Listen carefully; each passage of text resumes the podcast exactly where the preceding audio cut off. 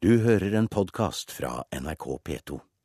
Da er det klart for Politisk kvarter, og klimakarakterene for de politiske partiene er tema der, programleder Bjørn Bø. Ja, vi skal få reaksjoner fra kandidater. Og tryggleik er den store saka i Stortinget i dag. Har Norge blitt tryggere?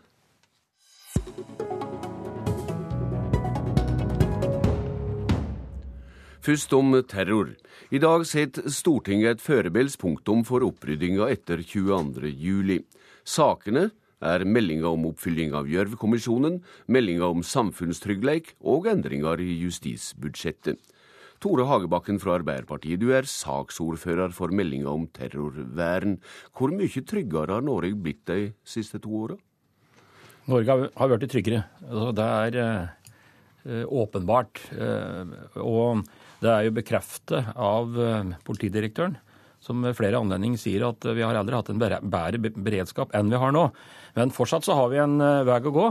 Og med vår behandling av terrorberedskapsmeldinga og samfunnssikkerhetsmeldinga i dag, så gjør vi vedtak som vil ha betydning for og, og, og, at det skal bli enda tryggere i Norge. Og så vil vi bruke høsten på å finne ut hvordan uh, framtidas uh, politi skal se ut, hvordan vi skal bruke politiressursene inn i framtida. Justistalsmann for Høyre, André Oktay Dale, stiller samme spørsmålet til deg. Har Norge blitt tryggere? Først har jeg lyst til å takke for et godt samarbeid mellom regjering eh, og storting. Eh, det har jeg lyst til å starte med å si. Vi vedtar også lover i dag som vil kunne gjøre det mye bedre. Men jeg, jeg tror nok ikke svaret er så åpenbart som eh, det Hagebakken her sier. For det er jo fortsatt sånn at vi har for få politifolk som har for mange oppgaver. Det er en grunn til at politimesterne for ganske kort tid siden sa at de blir overstyrt og har ikke muligheten til å gjøre den jobben bra nok som de, som de ønsker. Og ikke minst har vi ennå ikke kommet i gang med å diskutere disse kulturene som det var så mye snakk om i Gjørv-kommisjonen. Fordi alle ble måte, avslappet. Å ja, det er noen kulturer. Men hva er det de kulturene består i? Det består i ansvarsfraskrivelse. Det består i at vi deler opp ansvaret så mye at ikke vi vet helt hvem som har ansvaret. Ikke minst på cybercrime, som kommer til å bli antageligvis framtidens store terrorutfordring. Og ikke minst så har vi ennå ikke klart for oss hva kommer det til å koste alt det vi nå blir enige om. For det er veldig lett å si at vi vil ha en styrket beredskap, men prisen den er nok ikke så veldig mange helt klart. Det høres ut som at du har voner til at det kommer en ny regjering til høsten. Mener du denne regjeringa er for mild i klypa i høve til endringer i politi og andre forvaltningsorgan? Altså Jeg tror jo nåværende justisminister sitter med arven etter Storberget, som eh, var mer opptatt av å være i media enn å bygge beredskap. Eh, og jeg tror jo selvfølgelig at det er eh, fornuftig med en ny statsminister som også får denne koordinatoren ved sitt kontor, som Høyre har foreslått, som jeg ikke skjønner hvorfor regjeringen er imot. For vi trenger rett og slett også en regjeringssjef som er hands on, som er interessert i beredskap, som kan ta hånd i hanske. Og Derfor tror jeg en ny regjering med den type sikkerhetselement som Høyre har foreslått, med støtte etter hvert fra Fremskrittspartiet, vil være veldig fornuftig for å få økt fokus på beredskap. Vi må ta det litt steg for steg her, Hagebakken. Hvor utydelig mener du snakket om kulturendring i offentlig virksomhet er? Ja, det er behov for å stramme opp, og derfor så har vi jo satt av ganske mye midler eh, for at eh, vi her skal ha Ja, Men det er temmelig ullent hva det er, syns jeg hører Dahl sier. Uh, ja, det, det, er utrolig viktig at vi, at vi en, eh, er veldig tydelige på å eh, skjerpe oss på alle vis i forhold til de utfordringene vi står overfor. At vi tar på alvor beredskap. Og jeg vil understreke veldig sterkt at vi har en statsminister i dag som er veldig opptatt av beredskapen. Men vi synes det er uryddig sånn konstitusjonelt i forhold til det enkelte statsråds ansvar overfor Stortinget, med en slik koordinator som Høyre tar til orde for. Så Derfor er det at vi har, at vi har tydeliggjort Justis- og beredskapsdepartementet rolle i den sammenhengen. Er det formalistiske grunner til at de ikke kjøper Høyres krav om en tryggleikssamordner ved statsministerens Nei, men? Altså, vi, vi, mener at uh, dette løses bra i vår modell, der hvor Justis- og beredskapsdepartementet har ansvar i i sivile uh, krisesituasjoner.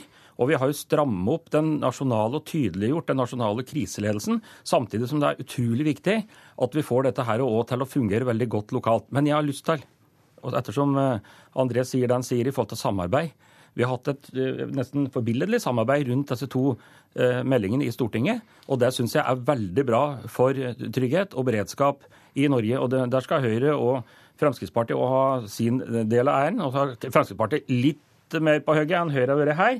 Men uh, dette syns jeg har blitt bra i sum, og dette skal gjøre at vi får et enda tryggere Norge. I den praktiske enden, Dahl, i hva grad er det mer politi og mer samordna politi som uh, er nærmest det eneste viktige svaret på alle tryggingsspørsmål? Nei, Det vil det jo ikke være. Eh, vårt budskap er at vi trenger flere politifolk som får færre oppgaver som de gjør bedre. Og i det ligger det egentlig veldig mye. Fordi i dag har vi for få politifolk. Og, eh, og regjeringen har altså i løpet av åtte år ikke greid å avlaste dem for mange av jobbene de har. Og det gjør jo at oppgavespennet deres er for stort versus de oppgavene de bør konsentrere seg om. Og vi må diskutere om vi har et politi som i det hele tatt evner å kombinere både beredskapshensyn og dag-til-dag-bekjempelse av kriminalitet, og det mener Høyre at vi ikke har. Dahl, du var så vidt inne på det her for litt siden. Framtida cyberspace. Du har etterlyst debatt om sivil bruk av droner. Hva farer ser du lure?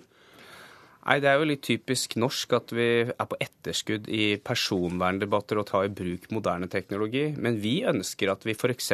skal kunne bruke droner til å ha ubemannede politihelikoptre. Mm. Men da må vi sørge for at vi er tidlig ute og utreder og lager lovregulering som gjerder inn, før enhver privatperson f.eks. begynner å bare filme naboen sin ved å sende små droner gjennom nøkkelhullet. Mm. Så der forventer jeg at en ny regjering tidlig klargjør hva skal grensene for det være, og hvilken bruk kan vi se oss. For nå bruker man det faktisk etter pizzalevering i USA, mens vi i Norge ennå ikke greid å begynne å bruke det til f.eks. observasjon av eh, tollgrensene våre. Tryggleik i framtida, Hagebakken, er dette vi er inne på her, et felt der politikken er på etterskudd? Eh, men vi har fått mye ny kunnskap. Eh, men noe av det aller viktigste vi gjør, det er å sørge for at vi har politifolk nok, og da må vi utdanne nok. Og vi har jo gjort et, eh, et, formidabelt løft i forhold til at vi nå utdanner 720 politifolk hvert eneste år, og de skal ut i arbeid. og Nå får vi en politianalyse, og så skal vi finne ut hvordan framtidas politi skal framstå. Effektivt og for eh, trygghet. Takk til dykk. Debatten holder fram i Stortinget i dag. Tore Hagebakken og André Oktay Dahl var det.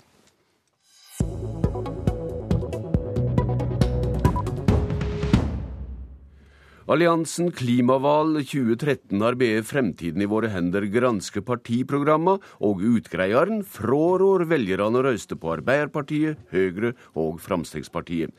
70 små og store organisasjoner står bak, de fleste av de i utgangspunktet partinøytrale. Av stortingspartiene kommer Fremskrittspartiet dårligst ut med karakteren 2 minus, medan Venstre er best i klassa med 6 minus. Leder i Fremtiden i våre hender, Arild Hermstad, det er du som har spissa budskapen om hva folk ikke bør røyste på. Hva mener du å vinne på det? Eh, jeg tror det er viktig at vi er klare overfor velgerne hvilke partier som er i stand til og kommer til å prioritere klimasaken høyt i de neste fire årene. Eh, og da eh, er vi nødt til å fortelle at eh, verken Arbeiderpartiet eller Høyre har en ansvarlig klimapolitikk. Det er, det er dessverre festet seg en myte om at dette er tilfellet, men, men, det stemmer faktisk ikke. Men partiprogrammet er kanskje ikke dekkende for partienes praksis? I stor grad så må vi gå ut fra at de klarer å, å fortelle velgerne hvordan de vil prioritere en sak når de formulerer partiene sine, eller programmene sine. Og har jo, Vi har fulgt denne prosessen i et halvt år, og har også sett hvordan intern splid har, eh, har, preget landsmøtene, og sett utfallet av de formuleringene som har kommet. Sånn at vi mener dette gir et riktig bilde for å velge ut fra klima de neste fire årene. Nestleder i Fremskrittspartiet, Ketil Solvik-Olsen. Hvordan tar du imot Toren? Det er jo dobbelt så høyt som det jeg hadde forventa fra Fremtiden i våre hender og den gjengen der. Eh, så det får vi jo se som positivt. For meg så handler dette om å ha praktiske løsninger som faktisk er gjennomførbare. De partiene som skårer høyt, har de siste åtte årene vist at de har mange ideer, mange visjoner der de ligger søvnløse om nettene og frykter det meste. Men veldig mange av de tingene de har argumentert for de siste åtte årene, har blitt skrinlagt fordi at det er altfor kostbart og det er altfor teknisk urealistisk. Og Da hadde det vært bedre å fått en regjering som faktisk førte en klimapolitikk som ga resultat, som fungerte, og som folk syns at vet du hva, dette her ser veldig bra ut, og det koster ikke all verden. Derfor vil vi være med på neste skritt. Det vi nå har fått, er jo at du har et månelandingsprosjekt som blir så dyre, og som ikke lar seg gjennomføre. Og Da sitter folk og tenker at disse politikerne har sagt og snakket veldig mye. De har ikke fått det til så langt. Vi tror ikke på det videre. Det blir altfor dyrt, og dette vil vi ikke være med på. Eh, Venstre er kanskje et av de partiene du mener er svevnløse. da. Guri Melby, du har vært leder i komiteen som laga program for Venstre. Hvor velfortjent er din sekser, synes du, etter nattevaka? Nei, altså Ut ifra de kriteriene som Framtiden i våre hender og disse organisasjonene har satt opp, så mener jeg jo at det er helt riktig at Venstre skal få en sekser. Og jeg syns jo det er veldig bra at de lager denne type vurderinger. Det er jo ikke noe nytt egentlig at organisasjoner som står utenfor de politiske partiene, eh, gir sine vurderinger av partienes politikk. Eh, og det her er kanskje den første gangen vi opplever det på klima og på miljø. Eh, og hvis at vi vil at det her skal bli et klimavalg, noe Venstre er veldig opptatt av, så er det også viktig at velgerne får god informasjon om hva slags klimapolitikk politikk partiene fører, og det mener jeg at denne oversikten gir. Men du skal kanskje sette inn dumpekandidat Fremskrittspartiet i regjering. Hvordan skal det gå da? Nei, Nå er jeg jo enig med Kjetil Solvik-Olsen at heldigvis så er det noen gang litt forskjell på hva som står i programmene og hva man er villig til å være med på av praktisk politikk. Og vi har jo opplevd at Fremskrittspartiet mange ganger har vært pragmatisk og villig til å finne løsninger. Bl.a. i det siste klimaforliket, der de mhm. gikk mye lenger enn regjeringspartiene. Så jeg mener jo at uh, alt i alt så mener jeg vi har veldig mange bevis på at en borgerlig regjering vil gi bedre klimapolitikk enn dagens. Men hvis du vil ha skikkelig ambisiøs klimapolitikk, så må Venstre være med i den borgerlige regjeringa. Ja, nærmest koseprat her Solvik-Olsen. Eh, det er ikke bare miljørørsla, men til dømes også Den norske kirka som står bak eh, iallfall tinginga av evalueringa. Hva synes du om det? Jeg synes det er uheldig at Kirka, eh, som primært bør handle om forholdet til Vårt Herre og få folk til å, å følge Han, velger å blande seg inn i det som her blir rent partitaktiske anbefalinger. Da er Kirka litt på, på gyngende grunn. Jeg merker meg jo òg at LO ofte er med på disse arrangementene her. Eh, uten at en ser det på de andre områdene som LO holder på med. Så her er det mange som seiler under litt spesielle og litt falske flagg.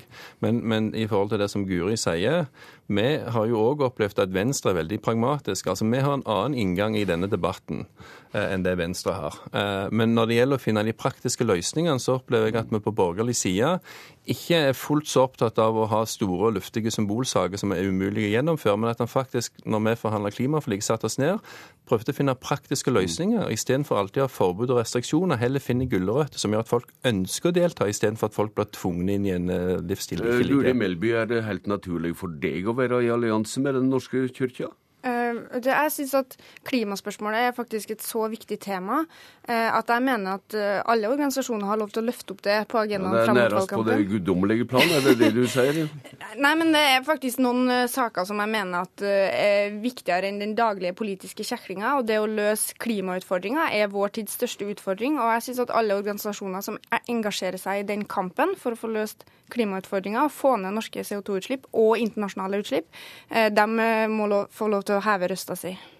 Ja, jeg, for Kirkens del, for, for, deres perspektiv, som kristen så føler jeg meg fremmedgjort når Kirka begynner å, å, ta sånne standpunkt som de har hatt i oljedebatter og, og sånne ting. Og Jeg synes det er et paradoks for Kirka at de virker til heller omfavne eh, ateister som er opptatt av klima, enn å prøve å appellere til kristne, uavhengig av standpunkt til oljevirksomhet. Mm. Men det får være en debatt de tar. Men jeg oppfordrer Kirka til å ta den debatten litt grundigere enn det de har gjort. Det er jo lov for eh, kirka, som alle andre organisasjoner, å ha to tanker i hodet eh, på en gang. Og her appellerer man til de velgerne som er opptatt av klima. Jeg håper at de blir flere, eh, og jeg håper at det her bidrar til at det blir flere velgere som er opptatt av klima, og at de stemmer på de partiene som prioriterer det. Arild Hermstad, klimaspørsmål ser ikke ut til å fenge i valgkampen så langt. Det tyder både meningsmålinger og uh, ageringa til partiene så langt? Jeg tror at vi begynner å nærme oss det punktet hvor folk flest eh, innser hvor alvorlig klimasaken er. Eh, jeg er ikke alene om å tro det, det er mange store investorer som tror det samme. Eh, og Én ting er hva som kommer til å komme høyt opp på dagsordenen i valget nå, men i den fireårsperioden vi har foran oss, så kommer vi til å måtte nå toppen av klimautslipp i verden. Altså De må begynne å gå nedover midt i stortingsperioden. Og vi, Bare i år så har vi sett flommer som rammer Europa, vi har sett uvær som rammer Norge. Så jeg tror at denne saken må løftes høyere opp, og det er også et politisk ansvar. Det må politikerne våre gjøre. Og det er eh, derfor du som eh, partipolitisk uavhengig organisasjon eh, våger å drive og tilrå folk hva de skal røste på? Nå er det tre måneder før valget, og da har politikerne all mulighet til å henge seg på i klimadebatten og love mer enn de har gjort i programmene sine. Takk til dykk, Politisk kvarter er slutt. Jeg heter Bjørn Bø. Du har hørt en podkast fra NRK P2.